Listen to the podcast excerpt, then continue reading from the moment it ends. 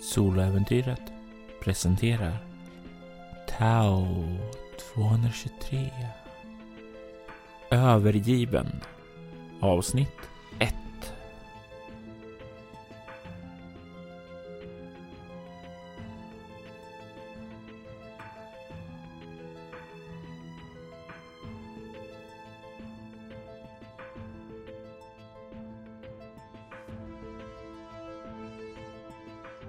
Gemas arkiv gav mig fler frågor än svar.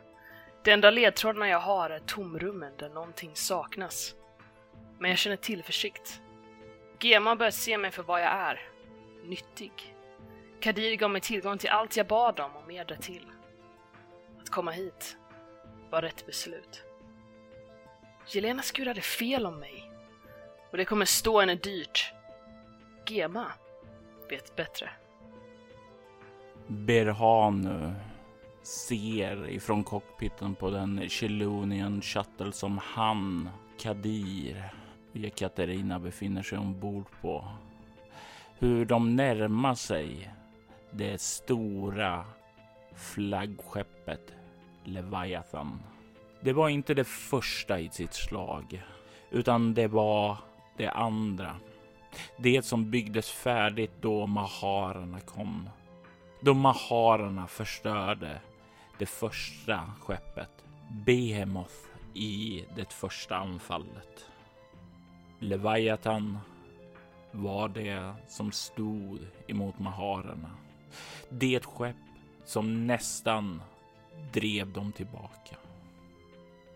Nu i de mörka oceanerna så är det ett hopp, en symbol om bättre tider.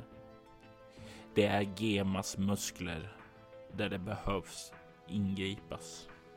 Ni glider fram emot hangarområdet och du kan se hur Jack Katarina får över sin eh, komradio att eh, det är okej okay att docka. Att ni är väntade. Hur känns det nu när du glider in i en symbol för Gema? När du ska få möta eh, både Roman Konstantinov, underrättelsechef för Gema och den krigshjälte Laurie Hawthorne som var en ledande gestalt i det mahariska kriget. Det känns som att jag faktiskt äntligen kommer kunna få svar. Och att jag kommer kunna göra någonting mot det här hotet som jag vet eh, lurar bortom stjärnorna. Så jag tror att Berhano fylls av en eh, känsla av eh, förväntan och att den här ångesten som kommer av att inte kunna göra någonting åt det här eh, liksom, som ligger och, och lurar och hotar, den börjar luckras upp så sakta. Du hör hydrauliken pysa då dockningsanordningen tar an och ni glider in i skeppet. De tunga luckorna slås igen bakom er och vattnet puppas undan och du känner hur skeppet säkras. Du kan höra Kadir säga Katarina, eh, ser du till att eh, fylla på tankarna och, och eh, se till att skeppet är i skick att lämna när vi kommer tillbaka. Och hon muttrar någonting om mm, mm, ja visst. Eh, och sen så gör en Kadir en rörelse åt dig ungefär kom. Jag följer med. Ni kliver fram emot lastluckan och ni ser när den glider upp ut i hangardelen av Leviathan. Det pågår mycket där. Underhåll av skepp idelt. Mycket, mycket aktivitet. Vad har Berhanu i mekanik? Inte jättemycket för mig. Ett har jag. Ja, du ser det definitivt bra utrustning som finns här. Betydligt bättre än vad som finns ombord på vanliga skepp, men det är inte så konstigt. Det här är ju trots allt flaggskeppet. Du kan dock lägga märke till längre bak här inne så kan du se en annan av de krigshjältarna. De som var, ja, som har figurerat mycket i Gemas marknadsföring efter kriget.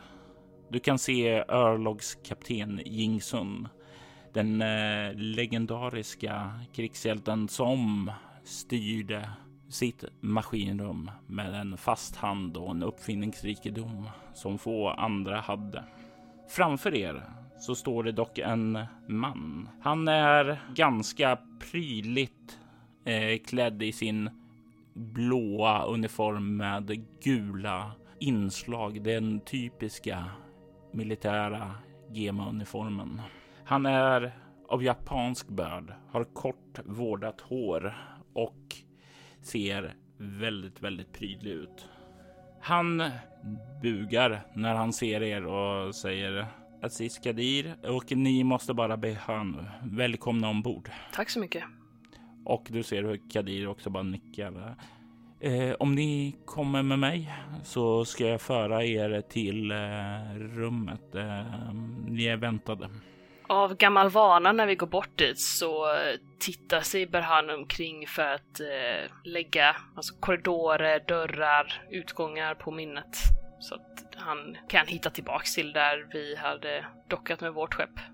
Jag tror att det är sån sak som bara går på alltså, automatik från honom. Ja, och det är ju ganska stora öppna områden här som finns ombord på Leviathan. Du kan se en öppning som leder vidare åt vänster bort till den stora delen, troligtvis där krigsskeppen finns. Och åt höger dit ni går så kommer ni in i lastutrymmena. Ni fortsätter vidare förbi dem in till Leviathans ja, främre spets för att där ta en av trapporna och han leder er sedan upp på övervåningen. Du kan se när ni börjar komma ut i de mindre gångarna här uppe så vänder han sig mot dig och Kadiro frågar kan jag se till att eh, förse er med någon föda. Eller har ni fått i er det på vägen hit? Kadir nickar åt det. Ja, okej, okay. utmärkt. Kom med här. Han leder er in bland mindre hyttar. Ni passerar förbi dem och kan snart börja närma er vad som ser ut att vara kaptenshytten. Du kan höra där inifrån ganska upprörda röster. Jag vill att du slår ett eh, lätt slag med kropp obemärkt för att höra vad det upprörda samtalet handlar om. 15. Du kan höra att det är en man och det är en kvinna som verkar argumentera. Du kan höra kvinnan säga. Ja, jag förstår din poäng, men vi lämnar inte någon bakom oss. Jag behöver finna henne, jag kan inte bara överge mitt underbefäl. Jag förstår att du känner en plikt att inte överge någon som kan vara vid liv efter allt du genomgått. Men det finns viktigare saker.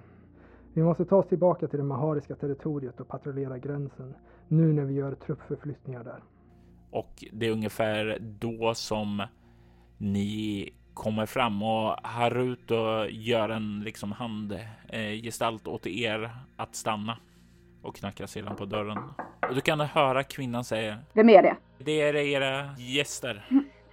Du kan släppa in dem. Och han vänder sig mot er och säger lycka till. Jag nickar. Sen eh, försöker jag följa Kadirs lead. Se vad det, det Kadir gör, det försöker jag också göra. Så jag försöker läsa av, eh, för jag har ju aldrig varit i eh, med så här mäktiga människor förut. Jag rör mig någonstans ändå i rum som jag inte är van vid att röra mig. Så jag är ju ganska out of my element. Det är faktiskt kanske som så att det är lite obehagligt för Berhana för han inte riktigt vet vad som förväntas av honom. Eh, och jag tänker att du kan förstå ett eh, omskakande skräckslag, det vill säga svårighetsgrad 7 med utstrålning. Eh, jag får eh, precis 8 men jag tänker också för att så här, det är väldigt mycket som står på spel för mig också. Jag vet ju att eh, den här informationen som jag besitter, det är ju lite... Alltså jag måste ju fortsätta göra mig själv nyttig för Gema för att jag ska få behålla den här livsstilen jag har fått nu. Så att, eh, men jag, jag klarar det precis då. Jag tänker att det ändå är jobbigt för mig. Du ser, han tar det första steget in kliver in och du ser den här mannen och kvinnan som du hörde tidigare. Kvinnan har du sett tidigare, för hon har synts så ofta på noder runt om över hela, ja, i princip över hela haven där Gema haft en bas. Laurie Hawthorne är en levande legend. Som dotter till den ikoniska hjälten Kelly Hawthorne och Anatoly Pavlov som kämpade mot skuggstaten och för hennes insatser i det mahariska kriget. Hon har en mjukare framtoning än vad du skulle tillskriva en eh, arketypisk militär. Vad har du i kameleont? Fyra. Du kan väl ana också att det finns någonstans där under den här ytan också någonting. Någon typ av sårbarhet som hon försöker dölja. Lori är i god fysisk form, har långt blont hår som når ner till skuldrorna och den sitter uppsatt i en hästsvans. De gröna ögonen verkar studera dig väldigt observant. Den man som står bredvid henne ser proper ut med en lämplig, välstruken och exklusiv kostym. Skräddarsydd för hans rakryggade gångstil. Du ser direkt att det är uppenbart han vårdat sitt utseende.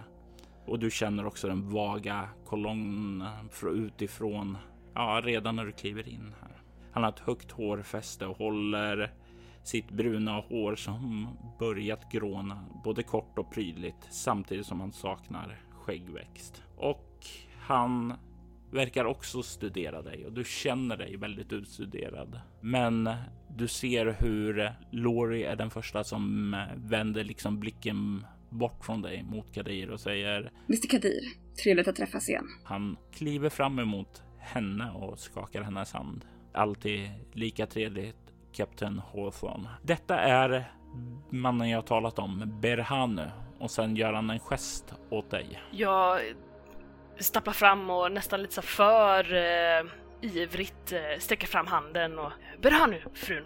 När du säger fru så säger, svarar hon Kapten och sträcker fram handen. För han nu får ångestvallningar och eh, förbannar sig själv i tysthet. Och känner liksom svetten krypa upp lite i nacken. Och du ser hur den andra mannen kliver fram och sträcker fram sin hand mot dig. Roman Konstantinov. För att inte göra bort mig igen så tar jag bara hans hand och, och skakar den och nickar och försöker se lite viktig ut. Herr Kadir har gjort oss varse om att du vill rapportera något till oss. Säger han och släpper din hand och gör en gest åt dig att slå sig ner vid bordet. Vilket de andra i rummen också verkar göra. Eh, ja. Eh, tittar lite så här förvirrat. Som, ska jag sätta igång nu eller ska jag... Ska jag... jag har liksom inte riktigt funnit mig i situationen. Du får en nick ifrån Kadir, en liten sån här betryggande nick som säger det är lugnt. Ta du från början. Mm. Uh, ja. Jag... Uh...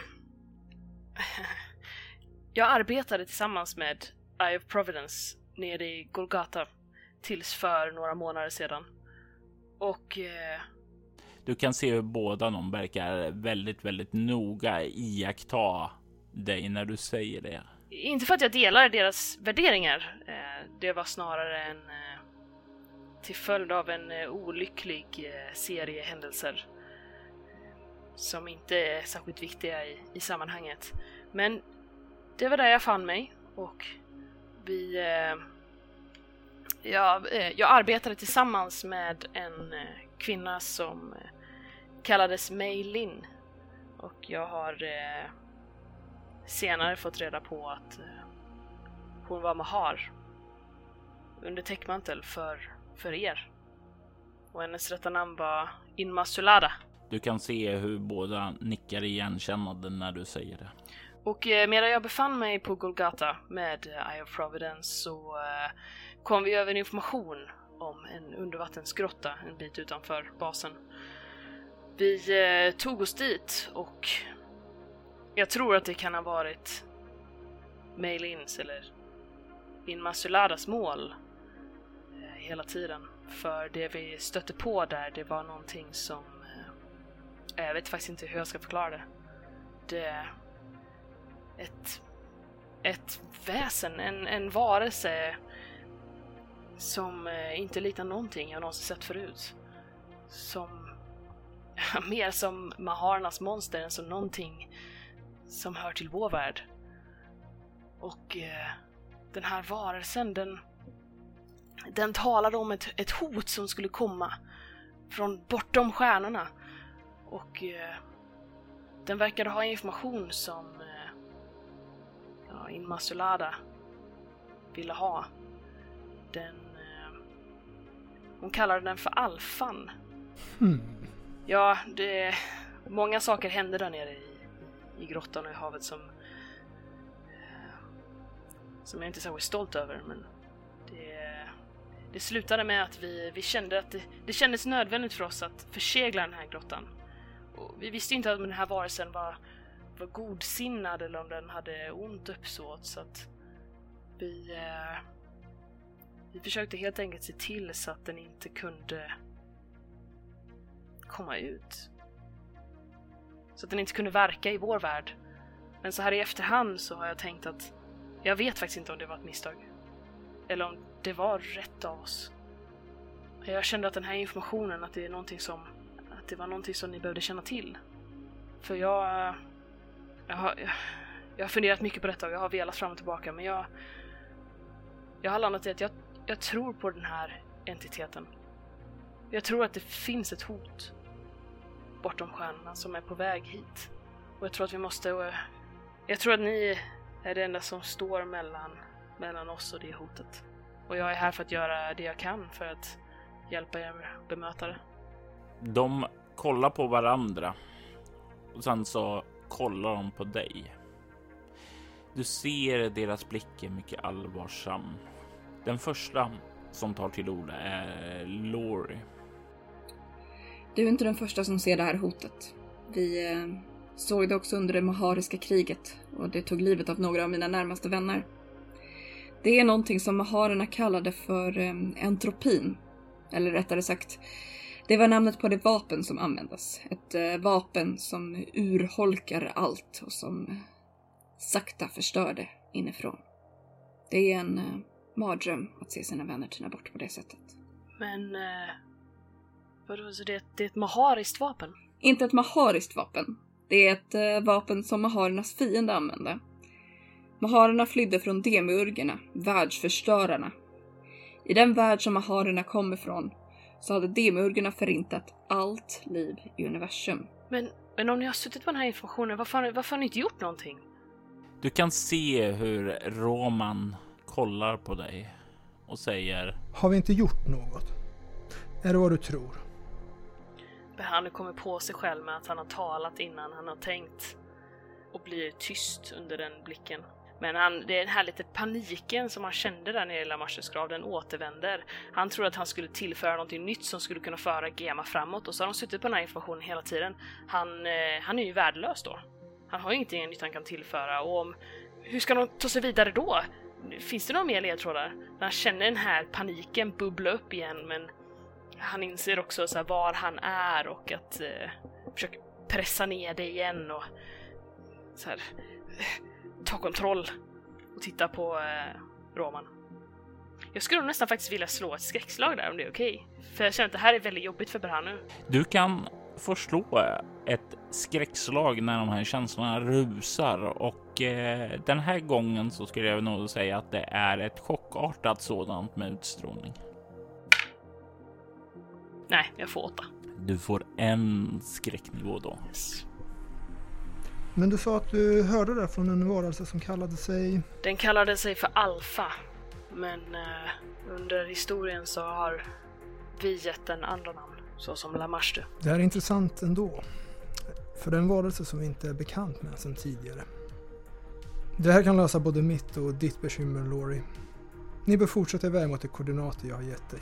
Och du ser att hon är på väg att protestera, men han räcker upp handen. Och så skickar vi den här Berhanu för att undersöka den ni fann. Lori kollar mot dig. Är det något du skulle kunna tänka dig att göra? Jag tittar lite så här kort mellan, alltså mellan och bägge och sen... Ja. Jag... Jag vill vara användbar. Jag, jag kan inte sitta och... Jag kan inte bara sitta och se på. Om det finns något som jag kan göra så vill jag göra det. Vi fick en rapport om att det var en glitch i vårt säkerhetsarkiv. Och när vi undersökte det fann vi att en eh, gammal skuggstaten-bas hade blivit raderad ur systemet. Ja, Tau 223. Du känner till det? Jag har gjort en del efterforskningar innan jag kom hit. För att försöka förstå det här och på något sätt så verkar Tau vara kopplat till det jag fått reda på från Alfan. Det sätter sakerna i nytt ljus. Vi visste att det var en av skuggstaternas baser och vi tror att det var en forskningsbas av något slag. Den här basen ligger i den sydvästra indiska ryggen, norr om Enderbys djuphavsrätt och söder om Gulhavsbassängen. Du kan notera att den ligger i sektor T22 om du inte redan hade gjort det. Nej, jag har bara haft... Eh, det enda jag har fått är ju namnet hittills. Den har ju stått... Eh, all annan information var ju raderad för mig så platsen var okänd. Så det här är ju ny information. Vi hade inte de exakta koordinaterna, men ett generellt område att utgå ifrån. Vi skickade ut kommendörkapten Anja Parker för att finna det. Jag har eh, förlorat kontakten med henne. Vi vet inte var hon är, men vi har funnit Tau 223 nu. Vi vill att du tar ombord på basen, undersöker den, tar kontroll över den. Om du kan finna Anja Parker skulle jag, Hawthorne och generalsekreteraren bli mycket glada. Du kan förslå ett eh, lätt slag med ego och samhällsvetenskap. Sju. Eh, namnet låter inte alls bekant för dig. Kommer jag få eh, en grupp med mig? Hur ser det ut utrustningsmässigt? Det, ni redan har skickat den och, och hon har försvunnit då är det väl knappast lämpligt att jag ger mig dit ensam. Jag nu känner att, så här, att det känns lite jobbigt att bege sig till den här eh, mystiska platsen kopplad till det här eh, skuggstaten och det här hotet där en människa redan har försvunnit och åka dit själv. Han är inte jättepepp på det. Basen saknar just nu strömförsörjning och det är en prio att sätta igång den. Jag tänker att skicka med dig en av mina bästa män. Du har säkert hört talas om honom. Jing Sun. Han kommer att vara dig ovärderlig när du startar upp basen. Och du hör Kadir vid sidan om som säger Ekaterina Chernova, den pilot som vi reste med. Hon är tränad elitsoldat. Hon kommer också följa med dig. Ni kommer att ta skeppet till basen och docka, ta er ombord där. När ni har säkrat själva basen kan vi skicka ytterligare personal. Men vi vill att ni säkrar den först. Okej, jag ska inte göra er besvikna. Och det är jag säker på att du inte kommer att göra, Berhan. Säger Roman väldigt lugnt och väldigt neutralt. Du kan se att Lori nickar lite åt dig. Eh, Kadir säger om du inte har några frågor så kan jag be adjutanten att eskortera dig tillbaka till skeppet så att du får göra det i ordning. Jag nickar. Utmärkt. Han tar upp sitt grafeninterface, skickar iväg ett meddelande till adjutanten och säger du kan vänta där ute. Jag har lite saker med de här två att diskutera först. Där han nu eh, är inte så nöjd med att bli bortskickad egentligen innan eh, Kadir. Men vet att det, det är bara att bida sin tid. En vacker dag så kommer jag också få stanna kvar i rummet. Så han reser sig upp och ja, nickar lite mot de andra och beger sig ut ur rummet. Och du kommer ut i rummet och ser att adjutanten inte har kommit ännu. Står där i korridoren och du hör plötsligt hur dörren glider upp bakom dig. Och du kan se hur Lori kommer ut till dig. Hon eh, ler mot dig lite där och säger Det var, det var en sak jag, jag ville fråga dig om. Givetvis, svarar om jag är förmögen. Jag var en av de ansvariga att ta henne bort från hennes folk då hon bad om det. Hon var och sen tvekar hon lite innan hon säger en vän till mig. Du var den sista att se henne vid liv. Vad hände med henne? Det här nu drar ett djupt andetag och tittar ner mot sina fötter och drar sig till minnes de här sista kaotiska sekunderna i den här undervattensgrottan. Hur allting eh, förvandlades till ah, panikartat kaos så fort. Än idag så har han bara korta små minnesögonblick kvar av, eh, av den stunder. Men ett minnesögonblick som dröjer sig kvar hos dig var då du, du drog dina knivar och slungade den mot Mays bakhuvud och May duckade undan från dem omänskligt snabbt. Och jag inser att det här är svårnavigerat vatten. Om eh, Lin May hade så pass mäktiga vänner så... Eh, jag vill ju knappast vara den som eh, anger mig själv som eh, ja, en fiende till Lin May, vilket jag ändå var. Så att eh, Berhanu väljer sina ord med omsorg och är nog tyst en liten stund innan han talar. Jag, jag beklagar, Miss Hawthorne, men eh, Lin May kom inte ut ur grottan tillsammans med oss. Hon blev kvar där nere med Alfan. Tror du att hon kunde ha räddats?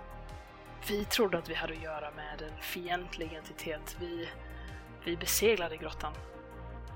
Ordentligt. Jag har väldigt svårt att se att han suckar lite och försöker uppbåda all sympati som han kan så han ska se så eh, medkännande ut som möjligt. Så, även fast det, det, är ju det är yta mer än vad det är att han faktiskt känner det. Och här kan det vara ett bra idé att du slår ett eh, motståndslag där du slår utstrålning interaktion mot hennes eh, utstrålning och kameleont. 14 fick jag. Och Lori kommer upp i 15. Hon får ett marginellt lyckat. Hon får någon känsla av någonting som kommer att vara off, men inte hela bilden. Jag tänker mig att du kan väl också få då ta och etablera vad det är exakt som inte riktigt kommer att hålla i beskrivningen du ger henne. Alltså här, jag hade ju gärna velat att det skulle vara någonting att jag beskriver Lin May på ett sätt som eh, Laurie vet att så skulle hon aldrig bete sig. Att, man, att jag försöker... Det kan definitivt vara bra. Vi förseglar den här grottan med all intention att den aldrig skulle kunna gå och öppnas igen. När vi kom ner där i djupet så fick vi se en ny sida av Lin May. Eller som ni kallar Inmasulada. Hon var eh, skoningslös. Jag tror inte ni riktigt vet vem ni hade att göra med. Jag tror att hon hade ett mål hela tiden med att sluta sig till oss. Och det var knappast för mänsklighetens bästa. Jag tror ni kan ha misstagit er på er agent. Vi såg att vi hade inget annat val än att försegla henne med alfan där nere. Du kan se att hon betraktar dig och du får en sån här känsla i maggropen att det, det är någonting du har sagt där. Någonting som hon inte kan känna igen i den Inmasolata som hon kände. Det kanske gör lite sådär att knyter sig lite i Berhanos mage. Hon kollar på dig med en allvarlig min. Jag hoppas att du kan finna kommendörkapten Parker på Tau 223. Och jag hoppas att du inte behöver lämna henne där också. Det... Det hoppas jag med. Jag hoppas att vi kan få de svaren vi söker innan det är för sent. Berhanu inser någonstans när hon säger, när hon formulerar det på det sättet så inser nog kanske Berhanu någonstans att hon har ögonen på honom lite. I och med att hon formulerar sig på det sättet. Men eh, så att det knyter sig ju lite och han får lite eh, ångestklump i, i magen. Och inser att nu måste, jag vara, nu måste jag vara försiktig. Du kan höra fotsteg komma upp bakom dig och när du kollar lite bakåt så kan du se att det är adjutanten. Lori gör en nick åt dig och sedan så kliver hon in till det stängda rummet där Berhano inte får vara med och leka.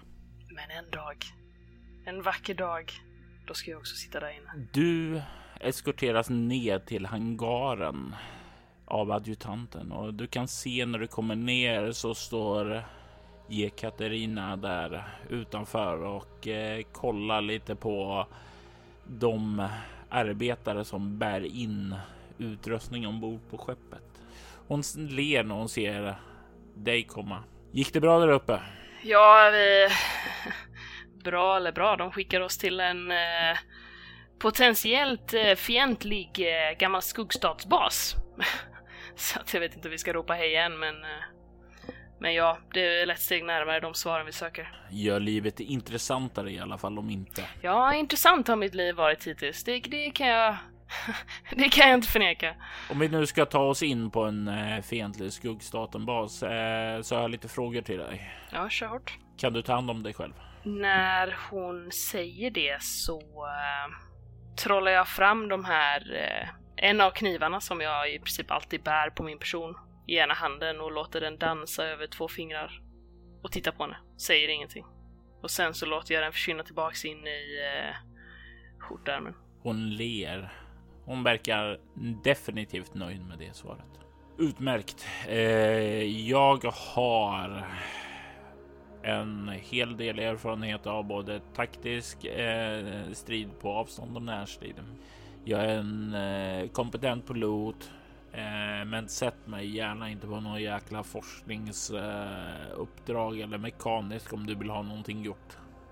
Äh, det verkar som att vi kommer få eh, annan kompetens för det. De eh, skickar med oss Jingsun. Ja, jag fick hö höra det. Det är hans grejer de bär ombord där, så då slipper vi med eh, mekanik och den delen. Det är ju fantastiskt. Ja, jag hade ju gärna sett att de skickade med oss mer människor än så, men ja, vi får väl jobba med det vi får. Men han känner verkligen att det är jobbigt att åka iväg till den här basen med bara två pers under sig. Han hade ju gärna velat ha mer. Helst så många människor som möjligt mellan honom och potentiell eh, kroppsskada eller potentiell död.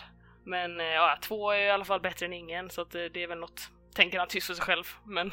Med bara två ombord på basen så finns det bara två stycken han kan svika. Ja, det finns också bara två stycken jag kan eh, offra för att överleva.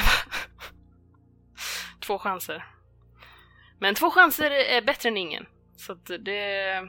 Han försöker se det positivt, men det... Det är definitivt olustigt för Berhanu att ge sig in i detta uppenbart fientliga situation med eh, så pass lite kompetens med sig ändå som två personer utgör. Du kan höra bakom dig ett eh, ljudligt kraschande. Tänk dig det här ljudet av någon som trycker i sig chips och det liksom knasprar där bakom dig. Jag vänder mig om. Du kan se örlogskapten Jing Sun komma fram emot dig. Jag försöker syna honom. Han verkar, han eh, verkar han kompetent? Ser han ut som att han eh, kan tillföra någonting? Mannen du ser framför dig är en, en koreansk man som har väldigt, väldigt avslappnat kroppsspråk. Han har ett eh, leende som eh, syns väldigt tydligt och nästan lite så här avsmittande. Han har kopparsvart hår och utstrålar lugn. Han står där med sitt bekymmerslösa ansikte med en chipspåse i handen och sträcker fram den emot dig leende. Det går rykten om att jag ska bistå dig. Jing Sung till er tjänst. Säger han och sträcker fram den andra handen. Jag tittar lite skeptiskt på den här eh, chipspåsen som att så här, förväntar han sig att jag ska ta ett chips? Vad är detta för underlig människa? Sen sträcker jag lite försiktigt fram eh, min andra hand istället för att greppa hans och skaka den lite. Samtidigt som jag så här, försöker dölja det faktum att jag är rätt så obekväm. Efter att skaka den släpper din hand och tar tillbaka chips och tar ett nytt och tar lite på det. Vad vet vi om den här basen utöver det som vår arkiv sa då? Jag har förstått att den är strömlös och att det är prio att hitta H-cellerna så att vi kan kicka igång basen. Jag har med mig enklare verktyg och utrustning som gör att vi kan öppna dörrar och röra oss där nere. Det kan säkert vara användbart. Men som jag inte vet vad vi har att vänta så har jag även med en del eh, hydraulisk borrutrustning också. Om det skulle bli nödvändigt. Ja, det vi har att vänta är ju någonting som gjorde att eh, Parker slutade rapportera in. Så jag tror inte någon av oss borde ta lätt på detta utan det... Eh, vi ska nog förvänta oss det värsta. Det är ju oroande om kommandörkapten Parker är borta. Men hon har inte varit sig lik sedan kriget. Det förändrade henne. Men jag gissar att det är sånt som sker när man förlorar den man älskar. Eh, ja, eh, så är det säkert, säger Berhanu och går fram till, om det finns ombord där, han försöker så här skyla över den här eh, lite att han, han, han vet inte vad det innebär. Alltså här, han har ju aldrig riktigt älskat någon så att he doesn't know. Eh, men finns det något så här bord eller något som man kan sätta upp, eh, eh, typ dra upp ett hologram eller någonting där man kan, ja men göra en lite så här typ virtuell eh, corkboard eller något så att de kan sätta upp det de vet. Det finns ju inne i cockpiten på ert skepp där. Okej, okay, men inte där vi befinner oss nu. Ni står vid, eh, vad heter det, lastingången. Ja, då börjar nog eh, Berhano röra sig in i skeppet på ett väldigt eh, dåligt sätt, så här, icke bekräftar det Jing Sun säger. Så att ja, jo, så, så kan det bli. Och så börjar han vandra in i skeppet som gestikulerar åt de andra att följa efter. Och de följer med dig in då. Eh, du kan ju se när det kommer in där också att eh, Katarina säger då till Jingsun, vad har vi att förvänta? Ja, det jag vet är att Tau 223 är byggd i tre nivåer på en bergsluttning på 2250 meters djup. Den mellersta nivån är där hangaren finns, men eftersom vi inte har någon ström dit så kan vi inte använda den. Så vi får docka på den övre nivån istället, där Kobanbryggan ligger, och ta oss ner därifrån. Och du kan se hur eh, Jekaterina då börjar att eh, direkt gå igenom vilka rutiner man ska ta och liknande. Ja, jag, jag tänker att Berhano han går upp till bryggan då där man kan dra upp eh, någon form av, eh, jag tänker så lite som i Iron Man, att man kan dra upp någon form av virtuell där vi kan sätta upp saker så att om vi har tre nivåer så kanske man vill dra upp tre rektanglar där man sätter tags på dem då, att den översta där är kommandobryggan, är där vi kommer gå in. Så man kan visuellt göra upp en plan där vi har all information samlad. Det är tanken. Mm. Och när vi gör det här Moa, så vill jag att du plockar fram basbladet. Ja. Och du kan på basens namn skriva Tau 223. Yes. Och på djupet skriva 2250 meter. Mm. Och sen kan du notera någonstans att den ligger i sektor T22. Den sista lastningen sker och det börjar bli dags att åka mot Tau 223. Är det några sista saker du vill göra ombord på Gemas flaggskepp Leviathan innan ni lämnar det? Nej, inte egentligen. Däremot så står nog Berhanu ganska så länge när vi beger oss iväg, alltså står han länge och tittar på när eh, vi stänger gången till lastutrymmet till exempel. Man står och tittar på Leviathan när den försvinner. Och du kan se Leviathan blir allt mer avlägset. Du känner hur den trygga, varma säkerheten därifrån försvinner bortåt. Och du lämnas ensam med den mörka oceanen som sällskap. På väg dit mot basen Tau 223. Och det mardrömmar som väntar dig där.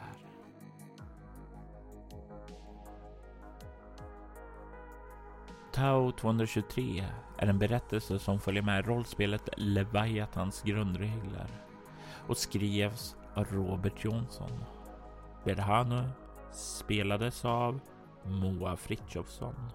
Övriga röster i detta avsnitt gjordes av Amanda Stenback som Laurie Hawthorne, Emil Westholm som Roman Konstantinov och Gustav Ruthgård som Jing Sun. Temamusiken för Tau 223 var Ocean Planet som gjordes av Brandon och Derek Fichter. Övrig musik i detta avsnitt var gjord av Dreamstate Logic. Övrig musik i detta avsnitt gjordes av Abstract Assassinator och Dream State Logic. Soloäventyret är en actual play podcast som utspelar sig i Bortom och Leviathans värld. Ni kan komma i kontakt med oss på info.bortom.nu. Ni kan följa oss på Instagram och Twitter på @spelabortom och ni kan förstås även gilla oss på Facebook. Tack för att ni har lyssnat.